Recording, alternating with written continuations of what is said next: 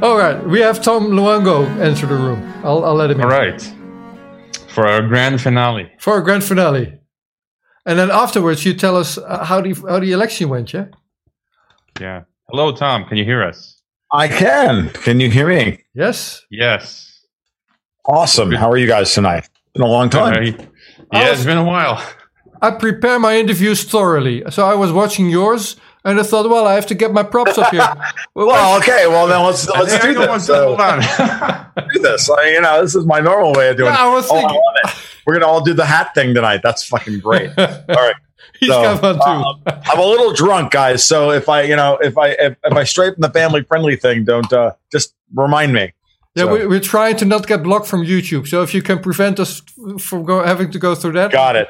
I'll do the. I'll I'll, I'll do my best. So uh, have you guys elected a new president by now already or no? Uh, Uh, as far as I can tell, looking at the way, looking at this thing from state to state and going through county by county, and uh, I think this thing is done. Um, there were a couple of close calls for Biden in states like Virginia and Rhode Island, um, where he could have lost states that he wasn't expecting to. But for the most part, it looks like Trump's going to win. He's won Florida, he's won Texas, he's won Georgia, he's won North Carolina, he's won Ohio, he's won Iowa. Um, because in every one of those states, and you know, with Iowa being the weakest, he's all of the major urban centers have already mostly reported. And then Arizona, they dumped all of the early voting numbers on the market immediately. And now we're getting the on the day, election day numbers coming in. They should all be heavy Republican. Arizona, I think, is in play.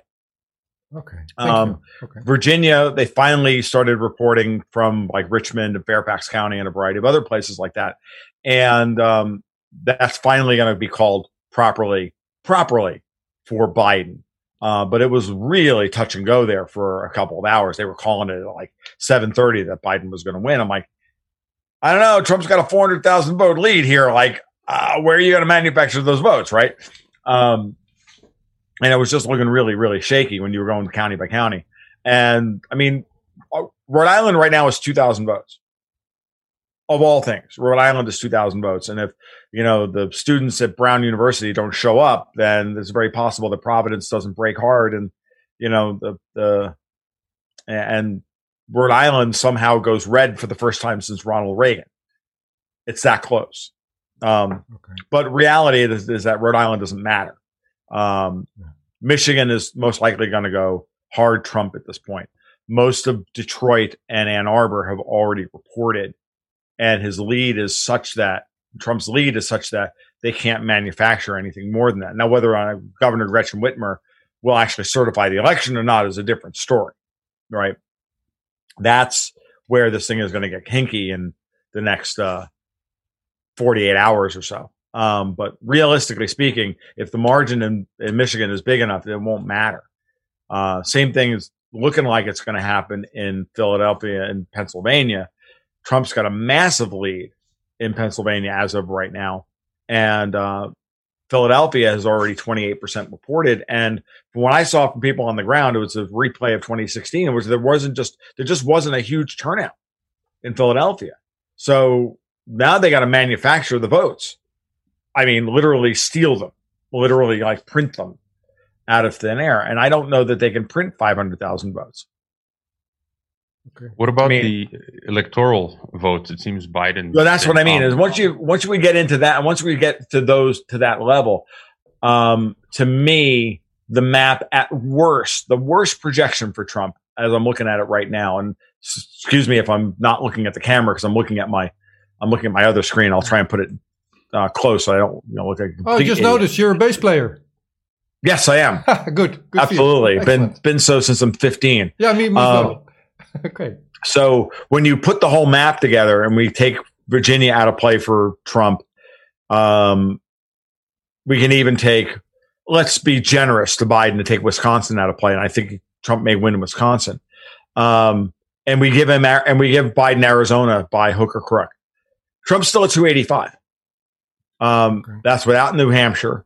That's without Wisconsin, Virginia, Rhode Island, as I talked about, Arizona, and him taking Michigan, and he taking even if he and if he takes Pennsylvania, and if he doesn't take Pennsylvania, that's where we get into a problem, right? And so that's the scenario that they're trying to create here is that where they can turn it, bring it all down to Pennsylvania because they figured out how to crack Arizona and they can make oh and they make Pennsylvania the, the gig. I don't think that's going to happen. I think Trump may actually win Wisconsin and end the entire affair because at that point he's still at 275 in a worst case scenario. Um, and then we have no idea what's going to happen with Nevada, right? We haven't gotten any results yet that I can tell from Nevada. Let me let me look at what the the New York Times is reporting as of right now. Uh, yeah, Nevada is just yeah, Nevada just started reporting. Yeah, I'd kind of so agree with you. It seems like, as we might expect, a Trump uh, slam dunk, but you know, I think some of us have, have been discussing some of the deep state surprises. You know, I'm, I'm yeah. afraid, you know, what might happen waking up tomorrow morning or events in the middle uh, of the night. Um, sure. You know, there's all this dark winter talk, um, revolutions, riots. You know, what are your thoughts on these these surprises? Well, I, I'm expecting all of it. Right, I'm expecting everything. They're fully committed to their great reset, right? The World Economic Forum's great reset. They are fully committed to it. They've turned Boris Johnson in the UK, or Boris Johnson finally unveiled himself as to what he actually is. Take your pick. Um, I think Johnson's been playing games as to whether or not, if Trump were to win, how he was going to betray Britain. Whether he's going to betray Britain. This is whether he's going to betray Britain by being part of the EU or not a part of the EU, i.e., with a no deal Brexit or without a no deal Brexit. But I think that he was always going to betray Brexit because at the end of the day, as I was talking to Patrick Henningsen a couple of weeks ago on my podcast, and he said, you know, remember that you know Stanley Johnson is a eugenicist and you know Malthusian, and he's all part of that that same clique. Like you don't think that Boris wasn't inculcated in that, and then obviously he's got the Build Back Better, um, you know. Uh, campaign slogan or you know whatever he's whatever he's putting on the podium at this point. So they're all messaging the same thing. The problem is is that they just newly minted 30 million new gun owners here in the United States. I'm going to be frank and honest with you guys. Like this is the most contested election or supposed to be the most contested and and, and um, close election in God knows how long since maybe Kerry Bush 2004. And Florida just broke four and a half points for Trump. When's the last time you heard Florida going four and a half points for anybody that wasn't a foregone conclusion? Texas is going to go six points for Trump. Ohio is going to go seven points for Trump. Okay. If they think they're going to play that game, well, that's nice. We're just all going to say no. And then it's going to get very interesting, which is exactly what the World Economic Forum wants. Because if they can't convert the United States, they want to break it. Right. And I get that. And I've been saying for six months now that this may be the most most important and the least and most irrelevant election of all time. Which is sad yeah. to say. So I was kind of hoping that tonight we get a much more definitive answer that like I want to see Arizona go red. I want to see not because I love Trump, because I think Trump is a mess, right? Trying to keep it clean. Um, but if he wins Pennsylvania and he wins Arizona and he wins Wisconsin and Michigan, then there can be no question what the country actually wants, which is they don't want communism, which is exactly what these people are offering. They are offering, without a doubt, they are offering warmed over 1970s moldy old commies that look all like Bernie Sanders, and all the, the the, only difference is, is that they want to substitute robots for you know the working class, and that's what this whole Klaus Schwab great industrial fourth industrial revolution looks like. And they have no idea what they're actually doing. They're just a bunch of you know aloof, effete eggheads sitting and sipping um, you know, ca- you know, coffee and Swiss coffee and and dreaming up nonsense when the rest of us live in the real world, and none of that looks like anything that we can actually live with. But they're going to destroy, and they're already in the process of destroying the lower middle classes in Europe. destroying value creation, destroying all of it in order to bring about a, uh, a, a terrible future, a really dystopic Aldous Huxley cross between 1984 and, and, and Brave New World that is really quite unnerving. Um, and the United States, the American voter, needs to make a definitive answer here, needs to make a definitive statement so that we literally break psychologically these people of their illusions that this is going to happen. So that Alexandria Ocasio Cortez becomes an uninteresting footnote in history. That's what needs to happen. Not because Donald Trump is so great, but because this process needs to be broken. And the United States needs to stand as a bulwark against all of this. Even though we're a mess, even though we're an empire, even though we're all, even though we're so many bad things. But this is your moment where the people of the United States can stand up and say, we reject all of it. We reject the American empire. We reject the nascent new European empire. And if we do that, by the time all the votes are counted, and that will be an, an unquestionable and unvarnished good thing. That's what I've been hoping for. And the best we can hope for, the way it's looking right now, is that Trump wins the election, holds the Senate, picks up five or six seats in the House. He won't own the House. Pelosi will still be Speaker, but it'll be unambiguous, and she'll have lost cachet with her own um, with her own caucus. And with a result like that, after the money that they've spent and the time that they've spent, that when they've done, when all is said and done, that she will have a bigger fight internally on her hands than she's ever had before. And I, that's what I can hope for. And then he can move forward with a cabinet that doesn't, that actually will start getting rid of most of what is the obvious portions of the swamp. So that's let's say all let's say all goes well, you know, um, and as you said, Trump wins, does the second term. Um, what about 20, 2024? I mean, will that would that be a point where all hell breaks loose? I think it will break loose by 2022. I don't think it'll last that long. I think that will Trump will stand athwart that. If he okay, if he's able in the next couple of hours to then then finally call Florida, Texas, and all that, and you can go, look, I've won this election. We're going to certify 270 electoral votes with or without Pennsylvania or with or without, um, you know, Wisconsin or whatever, whichever state they think they're gonna they're gonna they're gonna contest this over, and he can do that. And he then immediately fires Christopher Wray at the head of the, the, the FBI, fires Fauci, fires this one, he fires that. Literally wakes up the next morning and goes, Yep, second term, you're all fired. Like goes on like it's an episode of The Apprentice. It would be awesome. Like we're firing all you. And Mitch, here's my list of people that are going to be in my cabinet. Sidney Powell for head of the FBI, right? Michael Flynn's lawyer or this. We're going to do this. And you guys are going to get that done, right? Because if you don't, I'm going to start a, I'm going to start legislating like Obama did through executive order. And that's going to be the end of it. And I'm going to tell that woman, Pelosi, sit down and shut up. The speaker's gavel isn't as powerful as you think it is. Because I'm going to start actually, actually acting like the president that you allowed Obama to be, which he never did. One of the interesting things about Trump, as much as, you know, as much as he's a mess, he's governed like a federalist.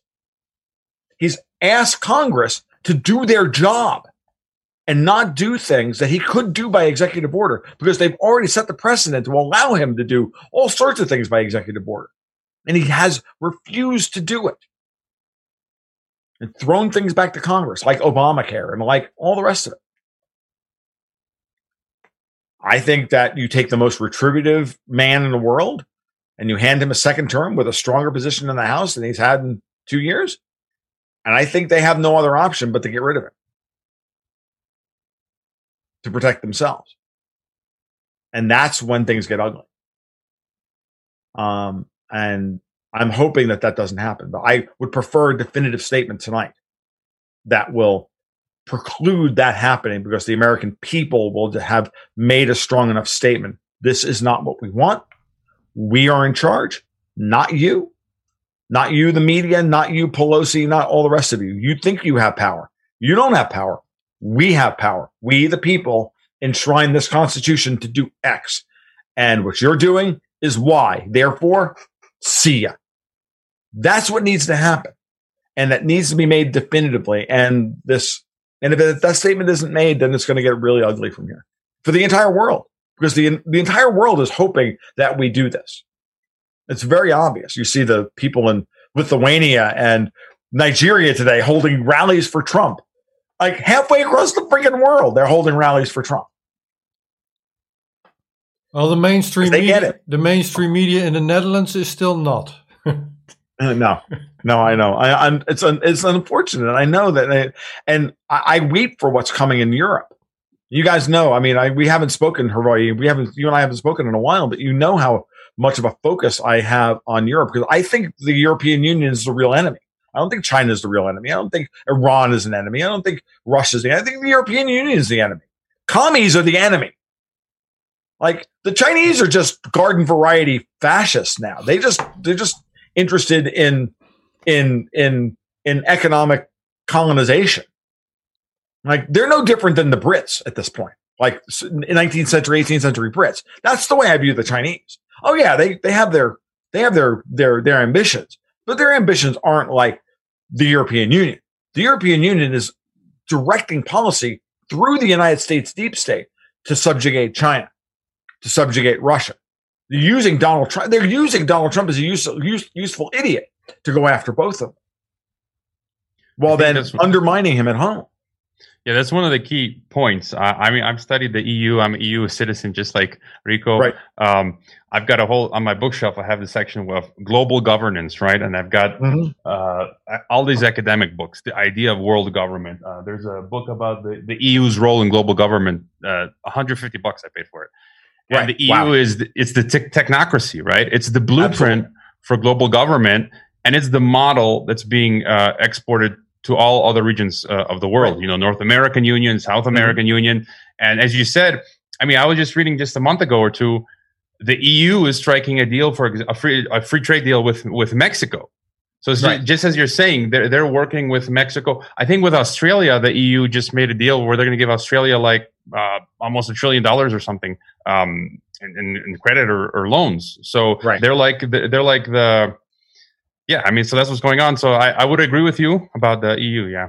Well, the, the, to me, I look at it from an American's perspective. The way the easiest way to explain the EU is they they they want to be the board in that they want to get, get as many people underneath their rubric as possible, so that they can then set the rules for the rest of the world and export those rules to the rest of the world. The same same way that here in the United States we have the saying that every bad idea in the United States starts in California and migrates east.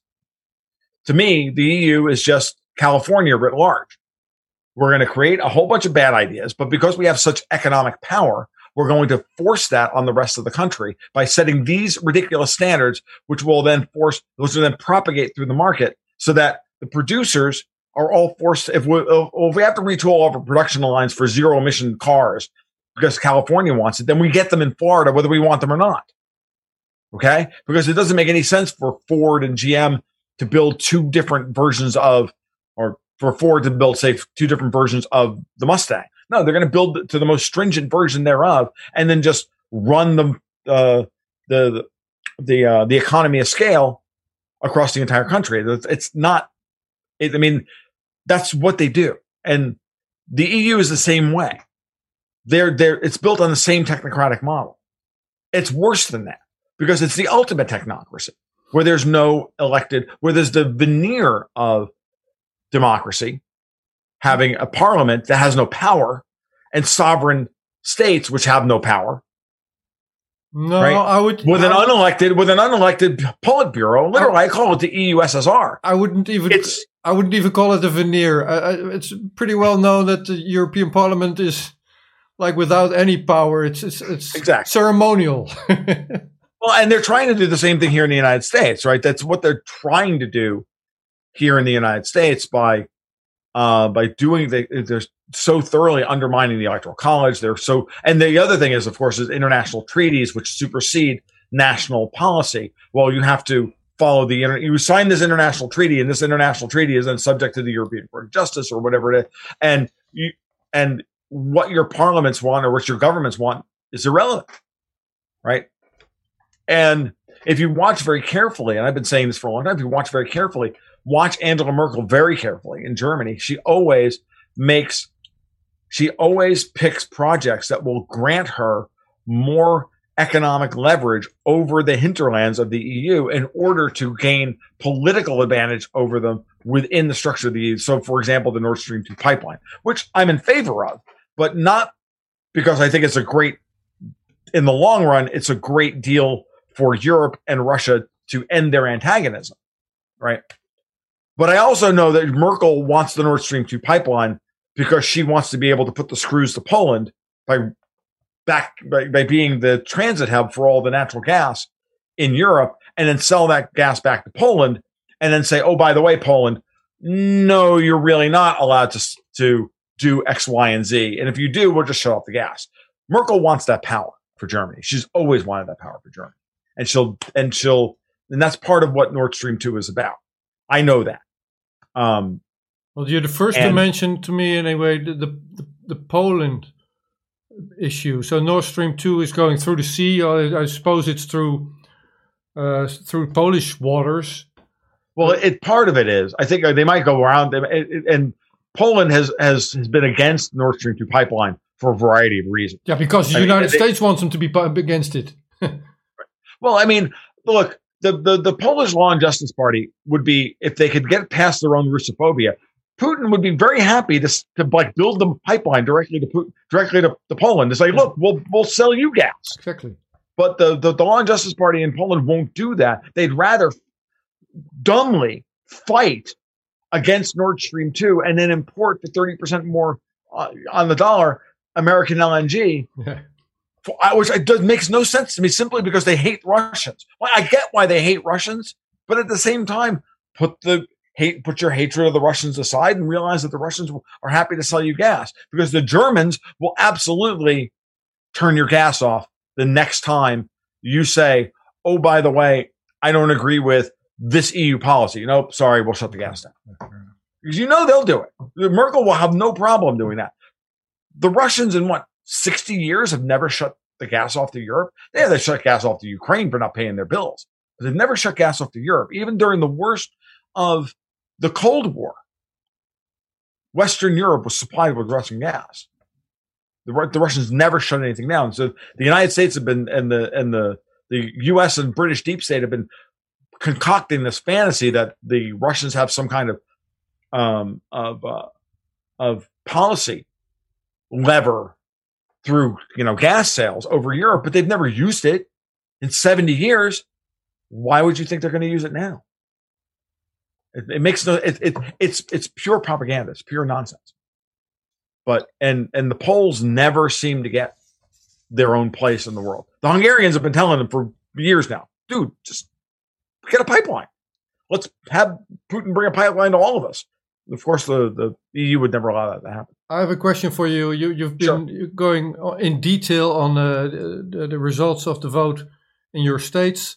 Mm-hmm. Um, I don't know if it's been reported just now or not, but just this is a how's the Libertarian Party doing this time? Terrible.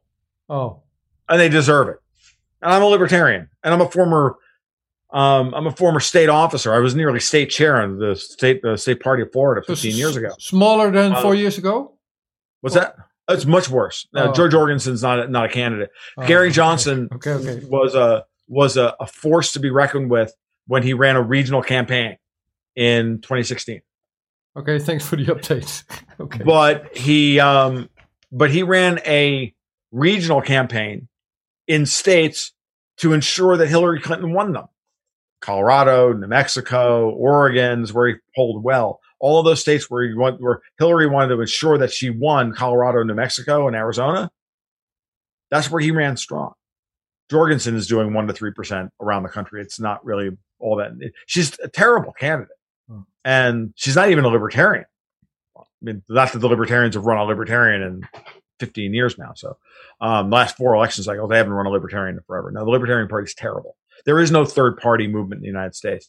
Donald Trump is the closest thing to a third party candidate that will ever um, okay. make its way through the the process. All right, thank you. So, Now I'm looking at the numbers now as we've been sitting here talking. Trump's opened up his lead in, in Pennsylvania. He's up by 600,000 votes with 58% reporting in Pennsylvania. Uh, Michigan, he's got it by 300,000 votes with 52%. Um, the only thing I haven't noticed yet is it's the big question is going to be Detroit. You know, 70% of Detroit has not, um, has not, uh, reported yet, but he's only losing in Detroit by a few points. He's not, he's only down basically eight points or 10 points, which is nothing. He needs to be down like 30 points for Michigan, for Detroit to overcome the rest of the state. So Michigan's going to go Trump. He's winning in Wisconsin as of right now by I four thought, points. So I thought I'd resurrect uh, what you brought up uh, the World Economic Forum Great Reset, which I think is sure. the I think that's the the topic uh, of our time now because you know yes. it's the new world order. It's the birth pangs of this new world order, and they're not joking this time.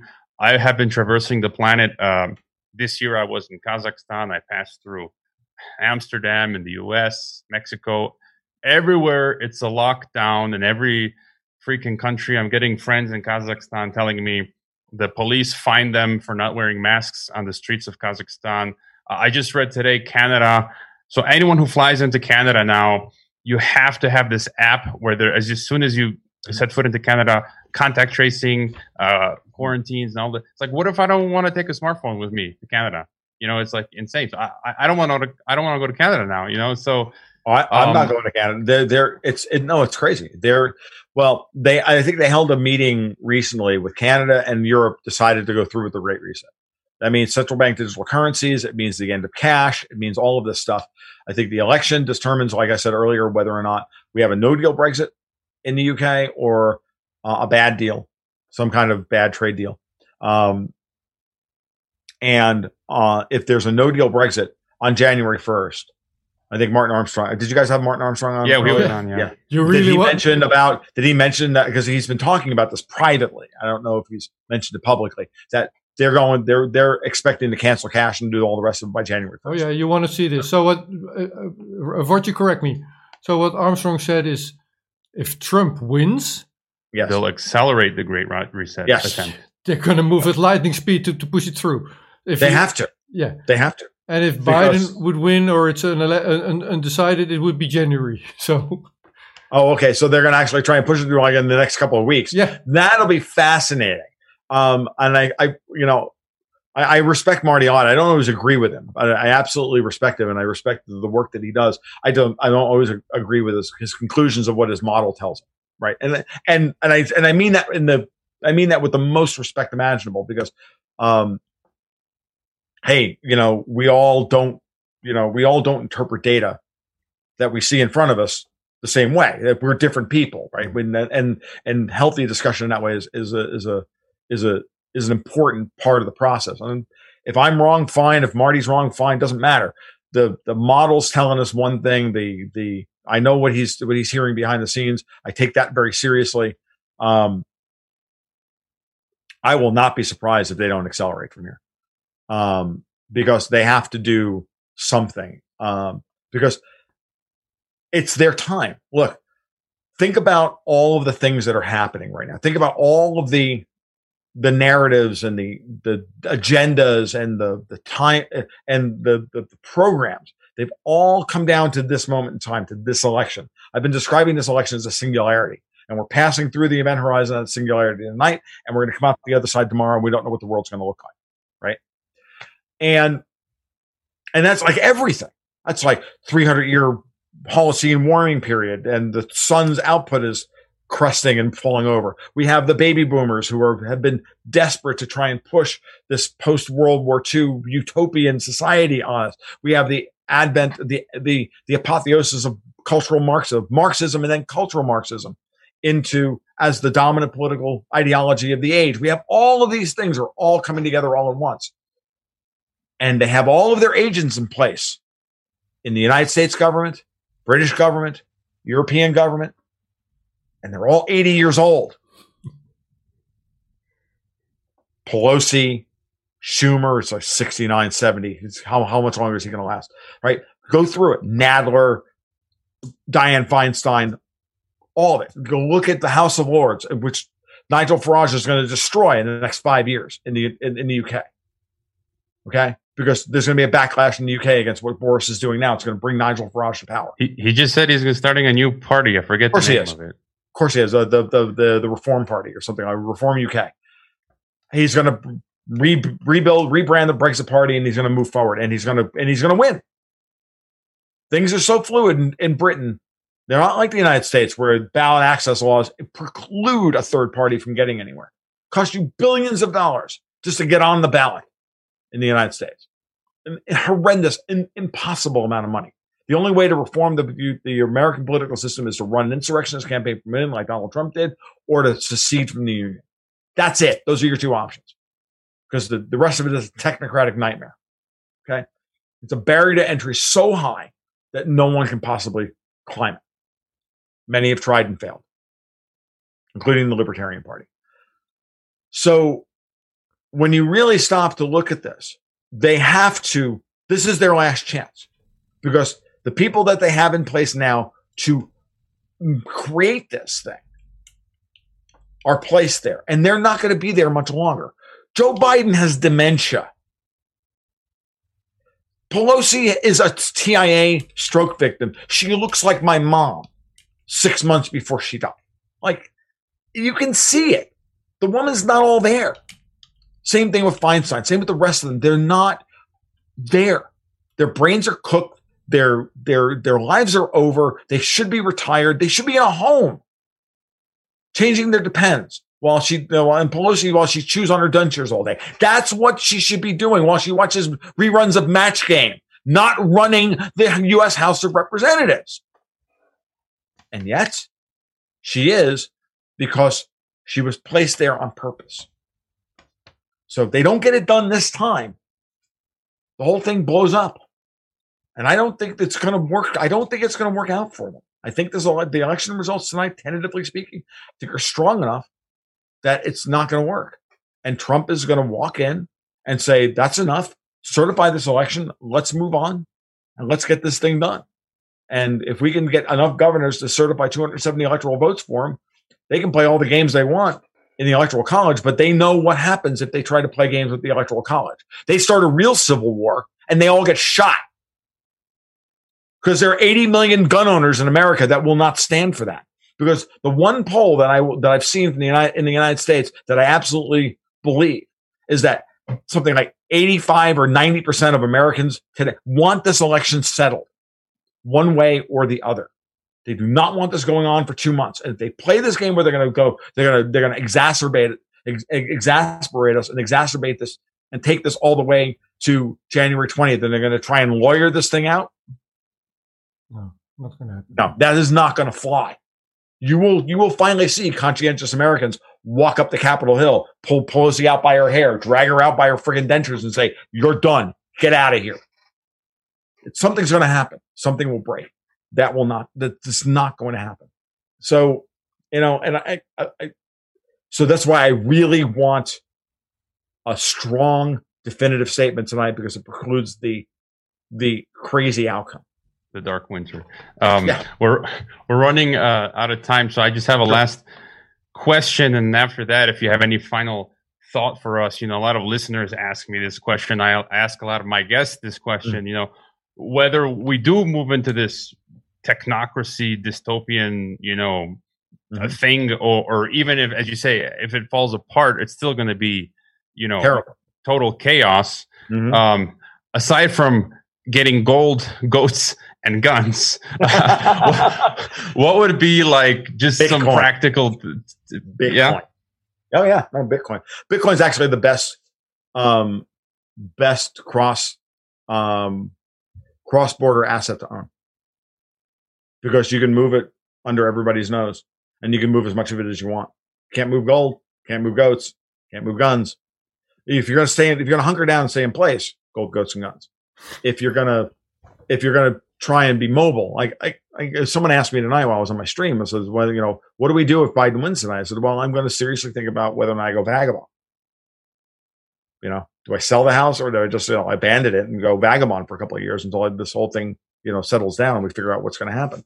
because um, I can do my job from anywhere in the world. I just need a laptop and, a, and an internet connection. It's fine. Um, and I've structured my life to be able to do that. Not everybody has that option. So what do you do then? Um, you opt out as much as humanly possible. And you make your life as anti-fragile as possible. And you make your life, and I've been preaching this to people for 15 years, privately and now publicly. You make yourself as anti-fragile as you possibly can. That means diversifying your income streams as much as possible. That means having some way of having a network of people that provide you goods and services that you need in order to get through your life. And however you can, because they're going to disrupt basic supply chains. They're going to destroy your small business. They're going to destroy everything because that's what commies do.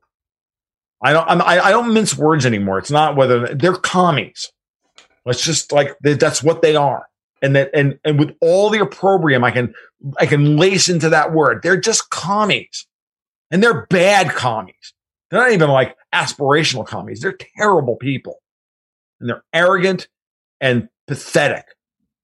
Oh, who've never worked and who never worked in a day in their freaking lives and who do not understand what the pro what what their proletariat world actually looks like. You're, you're, they just want to destroy people. You're not only guest to the Geopolitics and Empire podcast, you're also guest to uh, something called the Podcast podcast, which is pot with candle podcast, conversations of hope. You just read the the, um, the, the, election uh, result preliminary, but uh, um, Trump is winning, if I read you right. So I read it right. There's hope in, in the world, if I follow there the is. story. Oh, there's always hope.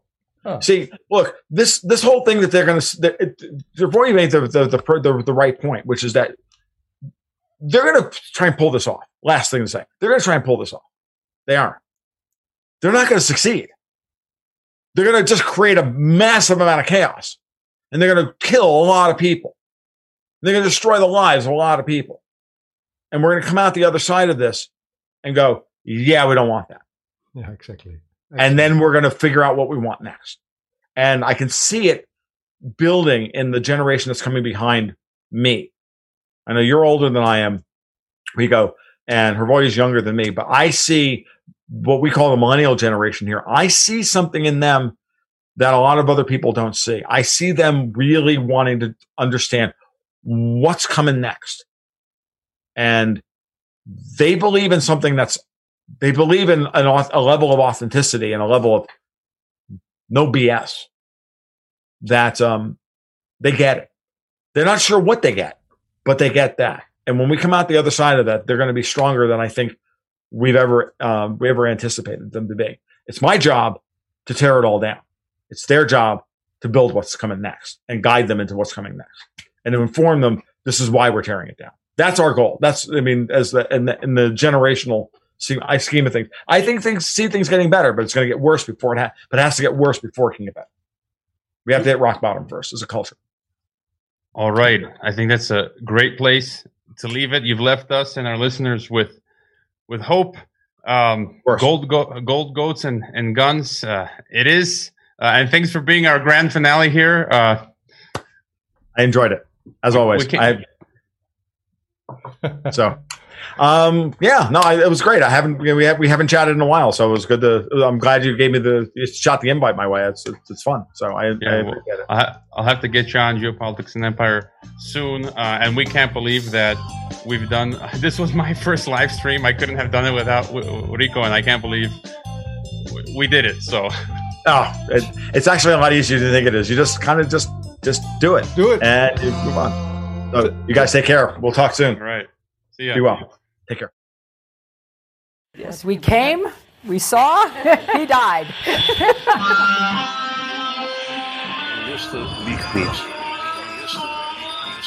every nation in every region now has a decision to make. Decision to make. Decision to make. You think I'm joking? Predator drones. You will never see it coming. er rook is. Dat er rook is. Laat staan dat ik eh, kan ingaan over vuur.